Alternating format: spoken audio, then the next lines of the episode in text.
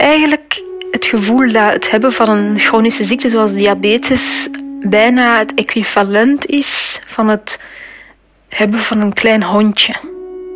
Dat je altijd voor moet zorgen.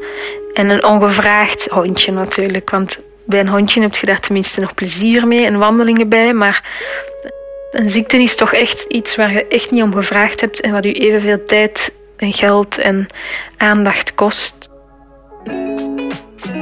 Dit is wat je nog niet wist over. Een podcast van Leef, het gezondheidsmagazine van CM. Over onze gezondheid in de breedste zin van het woord. Gezondheid houdt ons allemaal bezig, maar soms lijkt het alsof je er helemaal alleen voor staat. Voor de zorg voor iemand anders, maar ook die voor jezelf. En dat willen we bespreekbaar maken. Ik ben Stefanie, ik werk bij CM en ik praat met vijf bekende Vlamingen over de uitdagingen op hun pad. En hoe zij proberen om gezond te blijven. In deze aflevering wat je nog niet wist over Lise Spit. Dag Lise. Hallo. Hoe gaat het vandaag? Het is 11 uur, dus ik kan dat precies nog nooit zo goed zeggen zo vroeg op de dag, want het hangt er altijd vanaf hoe de dag loopt, hoe ik me voel, denk ik. Maar wel goed. Ja. Ik heb lekker geslapen. Oké. We zijn hier bij jou thuis in Brussel. Um, is het hier nog plezant na al die lockdowns? Ja, op zich wel. Binnen is het nog plezant, want ik heb op zich een groot huis met grote open ruimte. Sally, groot huis. Ik heb een appartement van 120 vierkante meter. Ik noem dat al een huis. Als je in Brussel woont, zet je sowieso weinig plaats gewend. Lise, de titel van onze podcast is Wat je nog niet wist over. Wat weten de meeste mensen misschien nog niet over Lise Spit? Ik ben altijd heel openhartig in interviews en zo. Ik vertel altijd heel veel. Ik denk dat de helft van mijn lezers van mijn werk inmiddels ook al weten dat ik antidepressiva neem en dat ik een relatie heb met een veel oudere man, twijfel over kinderen, dat soort van dingen.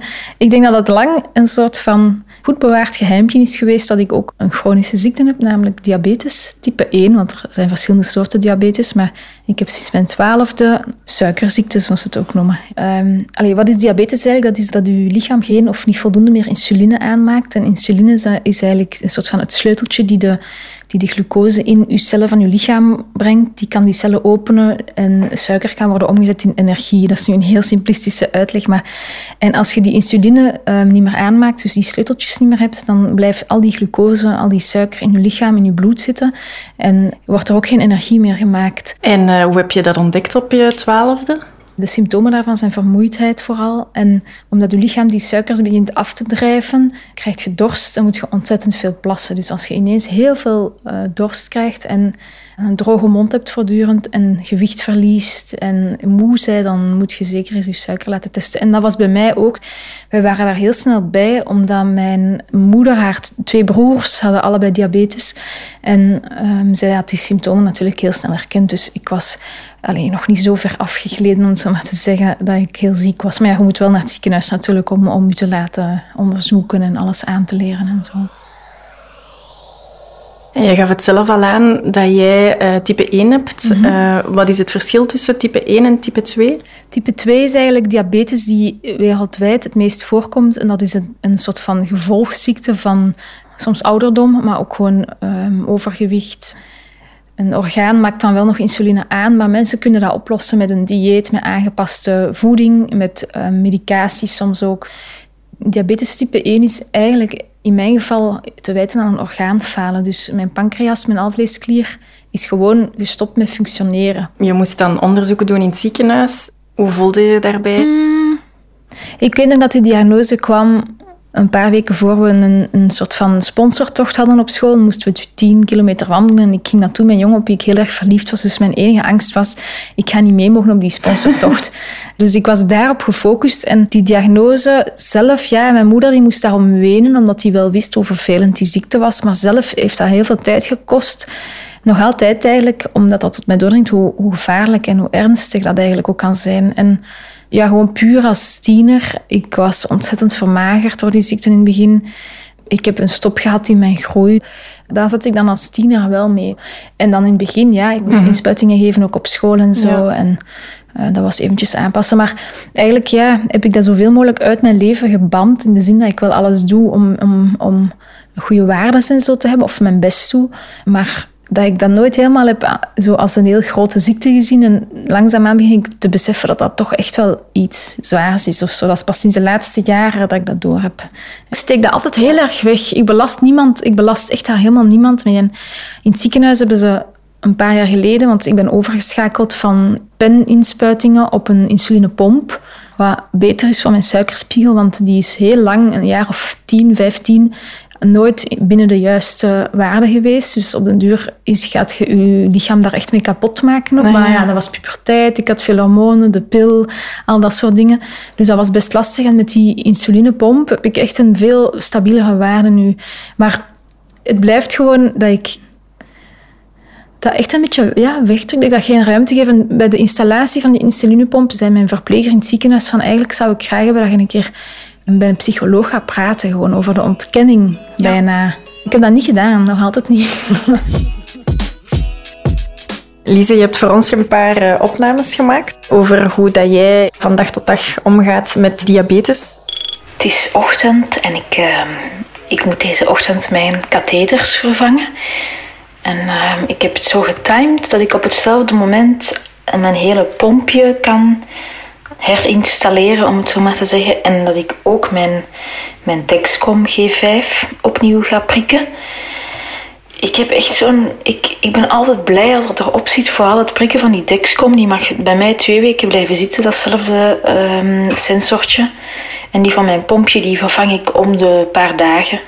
Maar ik kijk er altijd ontzettend tegenop om die Dexcom opnieuw te prikken. En die moet je zo handmatig naar binnen duwen, die naald. En dan weer terugtrekken. Dat ik echt soms minutenlang kan aarzelen. En dan zit ik zo in mijn hoofd af te tellen van oké, nu ga ik het doen. 1, 2, 3. Maar dan doe ik het niet. En dus ik moet altijd echt die knop in mijn hoofd omzetten. Eigenlijk is het vrijwel altijd pijnloos. Dus soms snap ik ook niet goed waarom ik zo aarzel en zoveel angst heb om die naald naar binnen te brengen. Maar het is gewoon een heel vreemd ding van je lichaam om te ja, om jezelf te prikken. Dat is echt iets waar je een beetje weerstand uh, voor voelt. Dat vraagt enige planning ook wanneer ik ze kan zetten. Dus kijk, ik ga eraan beginnen voor vandaag. En het is sowieso binnen vijf minuutjes weer afgerond. Maar uh, ja, het is toch een dingetje.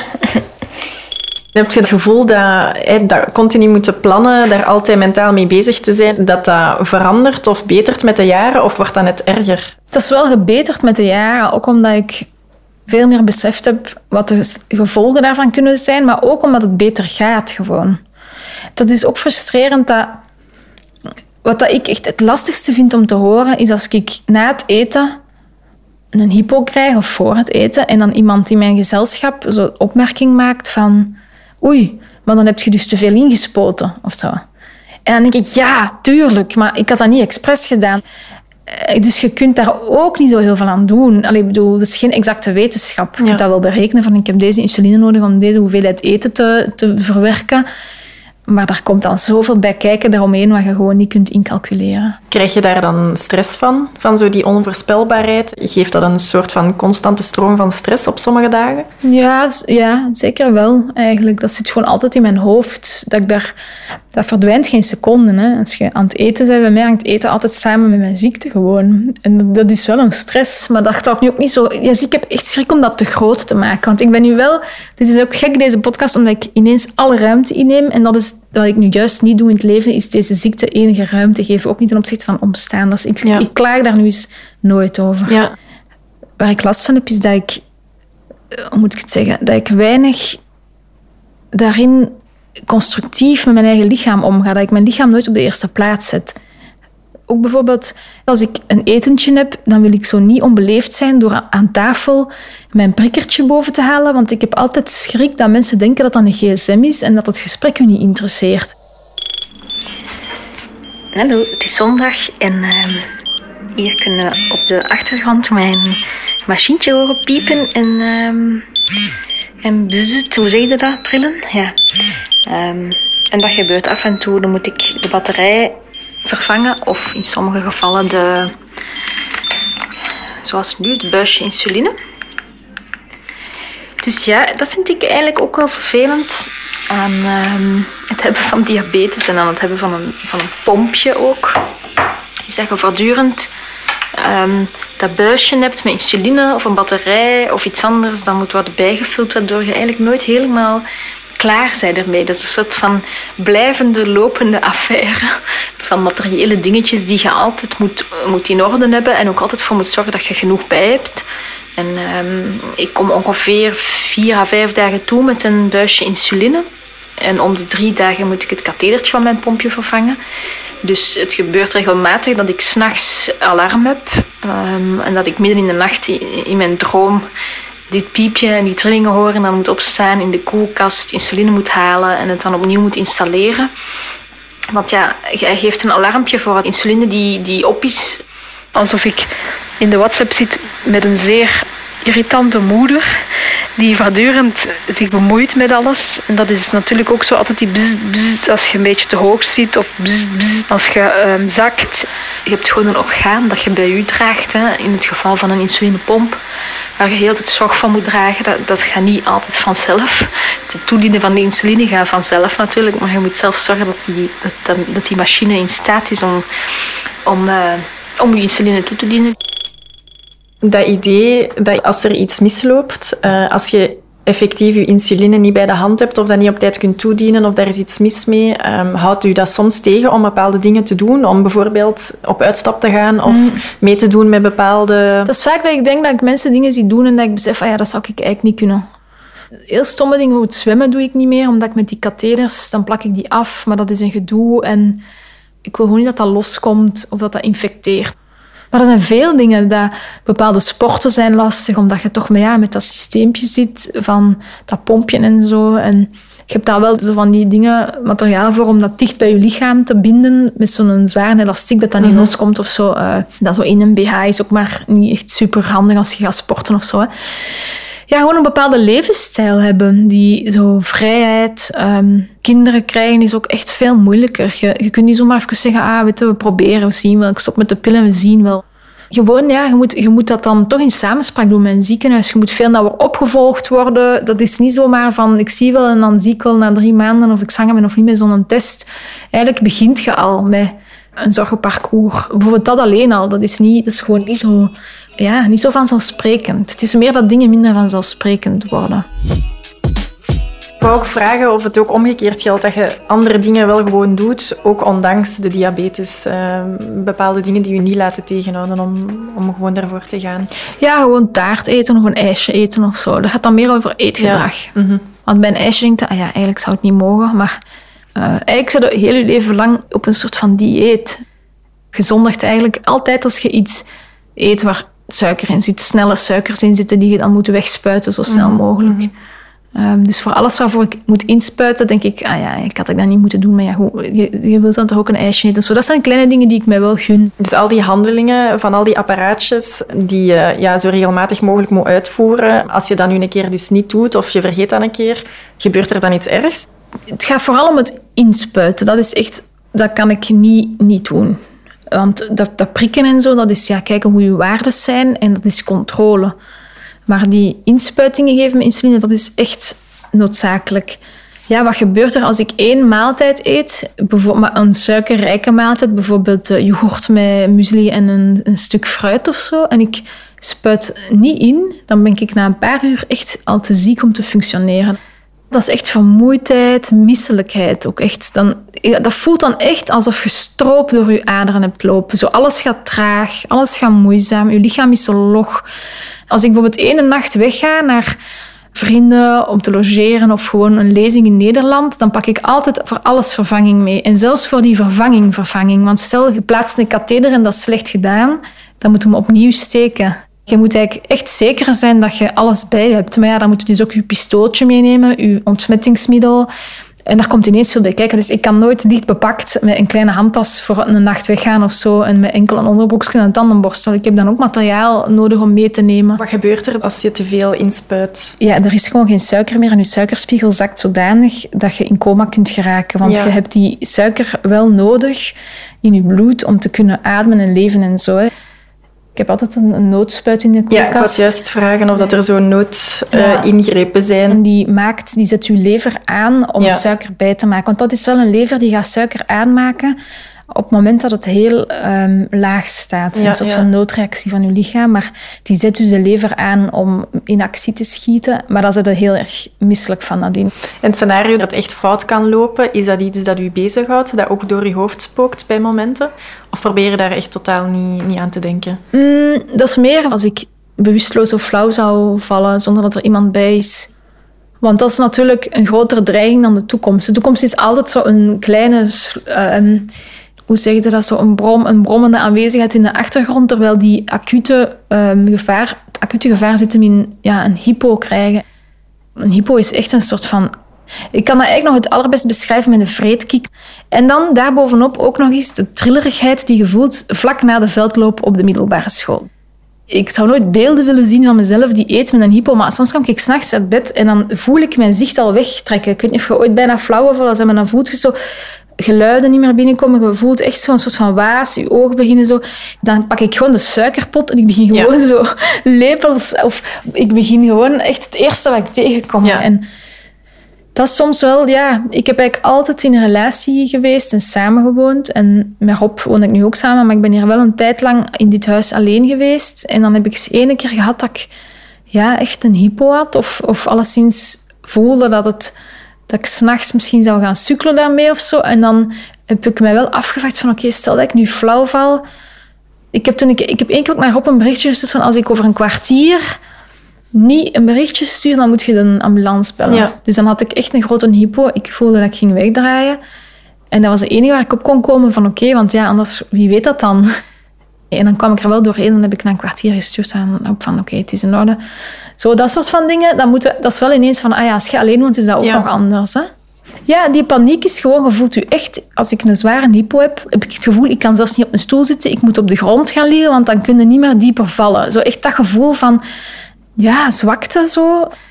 Ik word ook wel misselijk terwijl ik dan die hypo heb of daarna. Dat is wel echt een uitputtingsslag voor je lichaam. Dus die paniek ook gewoon om een hypo te krijgen, heb ik heel vaak. Dat ik op een podium zit en je wilt... Ik heb dat ene keer gehad eigenlijk nog maar in al die jaren, maar dat ik een hypo kreeg voor het publiek op het podium en dan heb ik gewoon geroepen in de zaal van, kan ik misschien een cola krijgen?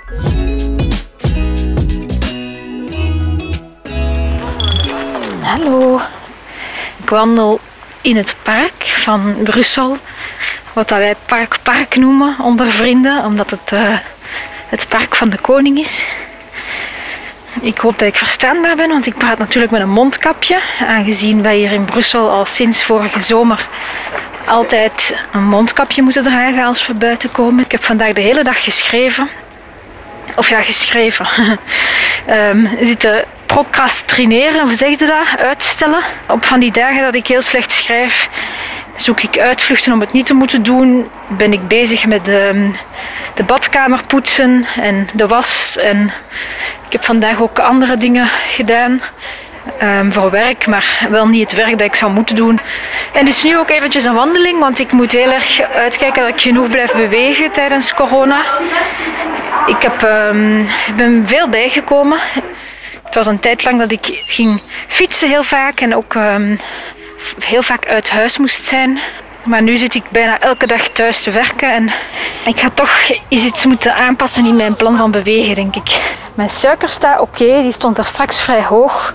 Maar ehm, dan doet een beetje beweging mij ook wel deugd, want dan weet ik dat mijn suikerspiegel vanzelf gaat zakken en dat ik daarvoor geen extra insuline nodig heb.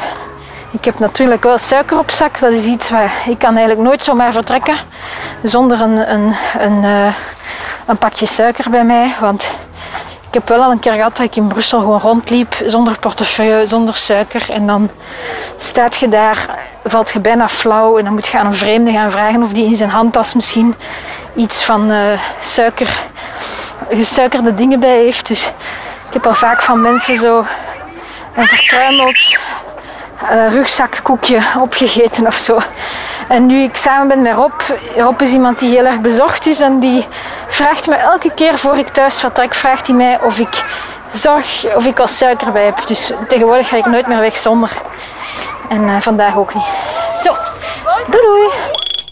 Je zei het daarnet ook al en je zegt het ook in het eh, dagboekfragmentje dat Rob vaak ook voor jou nu denkt van vergeet niet om Ja. een snack mee te nemen. Is dat een grote hulp voor jou om Rob in de buurt te hebben nu? Zeker omdat hij ook wel meer betrokken is in in mijn suikerspiegel. Om de vreemde reden, denk ik, dat hij al die geluiden ook wel altijd hoort op mijn telefoon. Want ja, hij- vaak heeft hij mijn gsm in de buurt en zegt ah ja, weet je, je staat wel zo hoog. En ook omdat we nu zo'n geluids... eh, ja, hoe noemt dat? Een klein boxje. Ja. Dat- en dat is aangesloten op mijn gsm. Dus als ik een hypo heb, dan is door het Oh, hele nee. huis zo piep, piep, piep. En dan roept erop van, je moet iets eten, Lise. Het is vandaag. ehm, ik moet altijd even nadenken welke dag het is. Eh, ik wandel hier op straat en ik zie dat het karton hier buiten staat bij mij in de buurt. Dus dat wil zeggen dat het vandaag donderdag is. En dat ik niet mag vergeten zo meteen ook mijn karton buiten te zetten. Ja, ik heb een beetje een brak dagje. Brak in de zin dat ik mij katerig voel zonder dat ik eh, een kater zou kunnen hebben. ik ben al een paar dagen heel moe. En vandaag ook een beetje slapjes. Mijn suikerspiegel is ook heel slecht geweest de laatste dagen.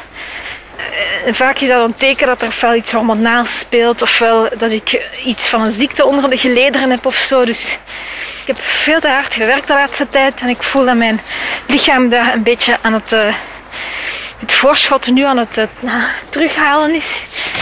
Ehm, maar vandaag heb ik ook wel lastig gesprek gehad voor mijn eh, ja, gewoon carrièreachtig. Omdat ik, allee, lastig, eigenlijk een goed gesprekje, want ik ga werken met, een, eh, met iemand die zo'n beetje mijn, eh, mijn belangen gaat eh, behartigen. Of hoe zeg je dat, een manager eigenlijk. Dus ik heb vandaag een gesprek gehad met die persoon die mij gaat vertegenwoordigen. En ja, ik vind dat vervelend, want ik heb zo'n soort van structuur. Ik ben iemand met heel veel structuur. Ehm, ik heb Excelletjes, ik heb documenten, ik heb mijn agenda. Waarin ik op een of andere manier mijn winkel best wel goed draaiende kan houden. En om dat dan uit handen te geven aan iemand is zo'n verandering van manier van werken. Dat ik daar echt een beetje van mijn melk van ben. Dus zo'n licht angstig gevoel al eh, de hele namiddag. En vaak gaat dat dan ook wat gepaard met ehm, ja, gewoon met zo de symptomen van een beetje angst. Zo, met een beetje misselijk voelen en zo. En, eh, dus ik ben nu eventjes gaan wandelen. Maar goed, ehm, dat was het zo, ja. Tot zover. Je omschrijft jezelf als iemand die veel structuren nodig heeft. Is dat dan ja, een vloek of een zegen voor het omgaan met, met diabetes? Dat is wel echt een zegen. De lockdown was daar echt ideaal voor ook. Dat je niet meer op restaurant gaat. Want ik ga vaak op restaurant, toch één keer per week minstens. Tijdens corona hebben we echt maar één keer of twee keer eten afgehaald. En voor de rest altijd zelf gekookt. En dan weet je gewoon wat er in je eten zit. Hoeveel suiker, hoeveel dingetjes. En voor de rest is het beter om structuur te hebben. Want ik denk dat als je echt zo ja, zotte dingen doet in je leven en dan weer op reis gaat naar daar. En stel dat je zo hè, naar een ander land reist met een ander eh, tijdsschema, moet je ook je insuline moet een ander profiel aanmaken in je insulinepomp dat afgesteld is op het andere tijdstip, Ah, ja. zodat je niet je dosissen van s'nachts overdag krijgt. Voelt het met je lichaam soms ook, ja, zoals onlangs met je bedrijfje, dat je dat eigenlijk uit handen hebt gegeven? Ik ben iemand die helemaal niet graag loslaat. Dus dat was een grote stap om die manager te nemen, terwijl ik mijn lichaam wel al gewoon in handen heb gelegd van de wetenschap. Ja, dat is gewoon wel vanzelf gegaan of zo. Maar misschien dat ik daarom juist op andere vlakken alles heel graag in handen hou. Om het dan toch allemaal zelf te aan te kunnen. En perfectionistisch. Ik ben ik heel perfectionistisch op alle vlakken, behalve op het vlak van mijn diabetes. Omdat dat minder leuk is, omdat je dat niet helemaal in de hand kunt hebben. En dus, omdat dat bij diabetes zo is in mijn leven, dat dat toch altijd op enige manier iets in de war stuurt, heb ik dat op andere vlakken heel erg onder controle allemaal. Maar goed, die manager die ik nu heb, die gaat dat ook goed doen. Hè. Je vertelde eerder ook al dat die alarmpjes s'nachts kunnen afgaan. Heeft dat een impact op je slaap ook? Dat zijn geen alarmpjes die één keer gaan. Dat blijft echt gaan tot je daar iets aan doet. Dus ik moet dan met mijn slaapkop ten eerste al dat pompje uit dat dingetje, uit die Lara Croft band op mijn bil verwijderen. Dat is de naam voor mijn beenbandje. Ik heb zo'n beenbandje van elastiek. Dat doe ik aan rond mijn bil. En daar past dat kastje dan in, mijn pompje in. En dan moet je zo, ja, dat, dat is een ontgrendeling. Een pompje heeft een ontgrending, dus je moet juist twee toetsen zo in de juiste volgorde en dan klik op het oké-knopje duwen. En dan moet je ook kijken, wat is het probleem?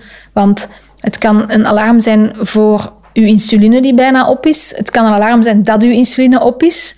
Het kan een alarm zijn dat uw batterij bijna op is. Het kan een alarm zijn dat de batterij op is. Dat zijn de vier alarmen. Of een alarm dat er een probleempje is in de doorstroming van uw kabel. En als je dat hebt, moet je het hele systeem losmaken, alles spoelen en alles opnieuw installeren. Onmiddellijk s'nachts in het midden van de nacht. Ja, ja, want dat alarm stopt niet en je weet van shit, ik ga een hyper krijgen als ik dat nu niet oplos. En voor de rest, meestal duw ik op oké, maar dat is toch ook al geweest dat ik overdag op oké heb geduwd en dan midden in de nacht van, ah shit, het is echt op, ik moet wel.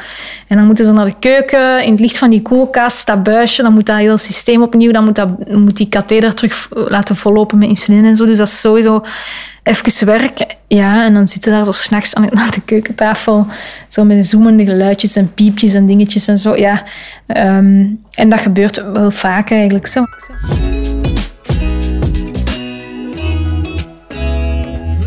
Heb je het gevoel dat je zonder je diabetes een andere Lise zou zijn? Ja, dat denk ik wel. Ja. Op welke vlakken zou je de dingen anders doen of anders in het leven staan, denk je?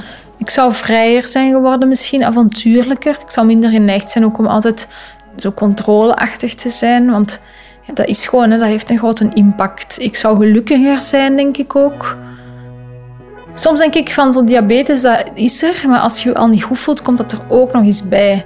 We geven telkens ook het woord aan een lezer van ons magazine. Dit keer is dat Peter en hij vertelt over hoe dat hij omgaat met uh, diabetes. Ik ben Peter, uh, ik woon in Randst, uh, ik ben 50 jaar. Ik heb op de leeftijd van ongeveer, als ik 36 jaar was, diabetes gekregen. Um, het is even aanpassen je moet daar ten eerste zelf mee leren, leren omgaan, dat leren aanvaarden. Maar op zich ben ik daar nooit echt uh, negatief of, neerslachtig over geweest. Dat werd toen uh, vastgesteld als uh, type 2 toen. En dan eigenlijk nog een paar jaar later werd er dan toch ineens vastgesteld dat het toch om type 1 zou gaan waar dat ik nu mij vier keer per dag moet inspuiten met zowel de trage als de snelle insulinespuiten. Ik heb ene keer, uh, en dat was rond de middagtijd, dat ik weer uh, opgebeld door een collega voor nogal een lang en belangrijk gesprek. Um, en eigenlijk uh, had ik op dat moment moeten zeggen van bel mij binnen een uurtje terug, ik moet eerst gaan eten. Maar je zet natuurlijk ehm, aan het praten en je gaat verder en verder. En op den duur uh, wist ik zelfs niet meer wat ik aan het zeggen was. Dat ik uh, op een gegeven moment zelfs gewoon de telefoon heb neergelegd. Ik uh, had op dat moment een hypo. Dan ben je toch wel even voor een, een half uur, drie kwartier weg van de wereld. En dan moet je suiker gaan, gaan innemen. maar ook merk ik toch wel dat het bij mij ook bepaalde stemmingsveranderingen en schommelingen zijn die binnen mijn gezin af en toe toch wel tot uh, onaangename situaties kunnen leiden. Als het een hyper is, als de suiker echt de hoogte ingaat, als je ja, te veel hebt gegeten en te weinig hebt ingespoten, dan kan je echt wel op een hoog niveau blijven staan. En als je dat niet direct door hebt, kan je in bepaalde situaties tegenover de mensen waar dat je dan bij bevindt nogal kort gaan reageren. Zijn er dingen herkenbaar? Ja, die stemmingswisseling, inderdaad. Dat heeft daar wel een beetje mee te maken. Ik heb bij hyper, bij word ik niet kwaad als ik ben gewoon moe. En omdat ik mij mottig voel, ben ik ook minder aanspreekbaar. Omdat alles trager gaat. Dat je voelt van, ah oh shit, ik voel me slap. En mensen moeten dan op die moment echt niet nog met dingen komen die er niet toe doen. Want je bent eigenlijk in een ander soort van... Ja, doel op dat moment. Namelijk, je moet daaruit komen uit dat mhm. gevoel. Als ik een hypo heb, kan ik echt geïrriteerd zijn. Maar ik heb dat ook al wel gehad, wat hij zo beschrijft, van dat je aan de telefoon bezig bent en voelt, shit, ik heb een hypo, maar dan toch nog zo lang mogelijk blijven doorgaan om niet onbeleefd te zijn. En dan op een duur ga je echt niet meer goed weten wat je zegt ook en zo. Je kunt dan echt zo wat beginnen naast je eigen lichaam te functioneren. Ik kan heel snel geïntimideerd raken als andere mensen over hun diabetes praten, omdat ik meteen denk, ah, ik doe het niet goed en die zijn misschien veel beter daarin bezig dan ik, of die doen harder hun best en oh, zie ik verdien het om... Allee, zo, ik ben dat heel negatief in ten opzichte van mezelf. Maar ik vind het wel leuk om iemand anders te horen die diabetes heeft. Ik heb het idee dat er wel mentaal veel bij komt kijken. Ik denk dat er gewoon nog altijd dat gevoel is van ik doe het niet goed. Dat is lastig nadat je een ziekte zelf behandelt die ook zoveel vraagt van een lichaam, dat je heel de tijd het gevoel hebt, ik moet dit beter doen. Ook al gaat het in mijn geval goed en zijn dokters echt super enthousiast en duren mijn consultaties heel kort omdat ze zeggen, ja, we gaan hier gewoon niks aan veranderen, dat gaat prima. Maar toch heb je voortdurend het gevoel dat als je later complicaties krijgt of zo, dat je eigen schuld is gewoon. En dat is wel lastig. Soms krijg ik zo'n licht angstig gevoel zelfs. Van heel de tijd dat, dat, dat, dat die toestellen en die ziekte mijn aandacht vraagt. En dan heb ik zo'n soort van onmacht, een gevoel van onmacht. Dan word ik wat kwaad op dat ding. Dan denk ik, ah, laat me gerust. Maar er is van alles, hè, want los van dat prikkelen heb ik ook dat pompje dat ik in de oog moet houden. Ik heb die katheners in mijn buik zitten. Dus elke keer als ik naar de wc ga, moet ik uitkijken dat ik voorzichtig mijn broek uit doe. Want ik heb dat al heel vaak gehad, dat ik dan een katheter mee uittrek of zo. Of als wij gaan slapen in bed, moet ik zoeken naar mijn Lara Croft. Ik slaap dus altijd met een draad verbonden aan mijn buik en dan zo'n kastje rond mijn bil. En ja, voor Rob in bed of zo, die moet ook uitkijken dat hij s'nachts niet... Of gewoon als je ligt te knuffelen of zo, ja, dan is dat ding daar ook wel altijd. Dat zijn zo kleine dingen die dagelijks mijn hele leven draait daar ook om. Hè. Dat is een, een onvrijheid, echt. Een om, mhm. onbevangenheid. Soms zou ik eens terug willen naar een leven, gewoon even om te weten wat dat is, om een koffie te kunnen drinken zonder dat je dat stemmetje in je hoofd hebt die zegt, oké, een koffie. Er zit melk in. Melk is een beetje suiker. Dus ja, ja dat is wel een constante stress.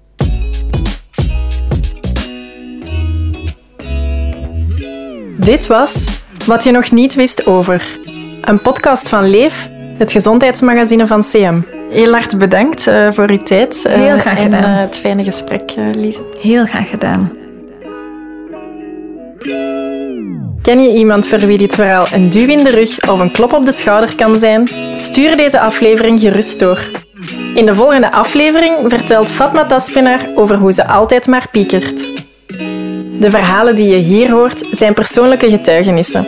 Heb je zelf vragen over je gezondheid? Neem dan contact op met je huisarts.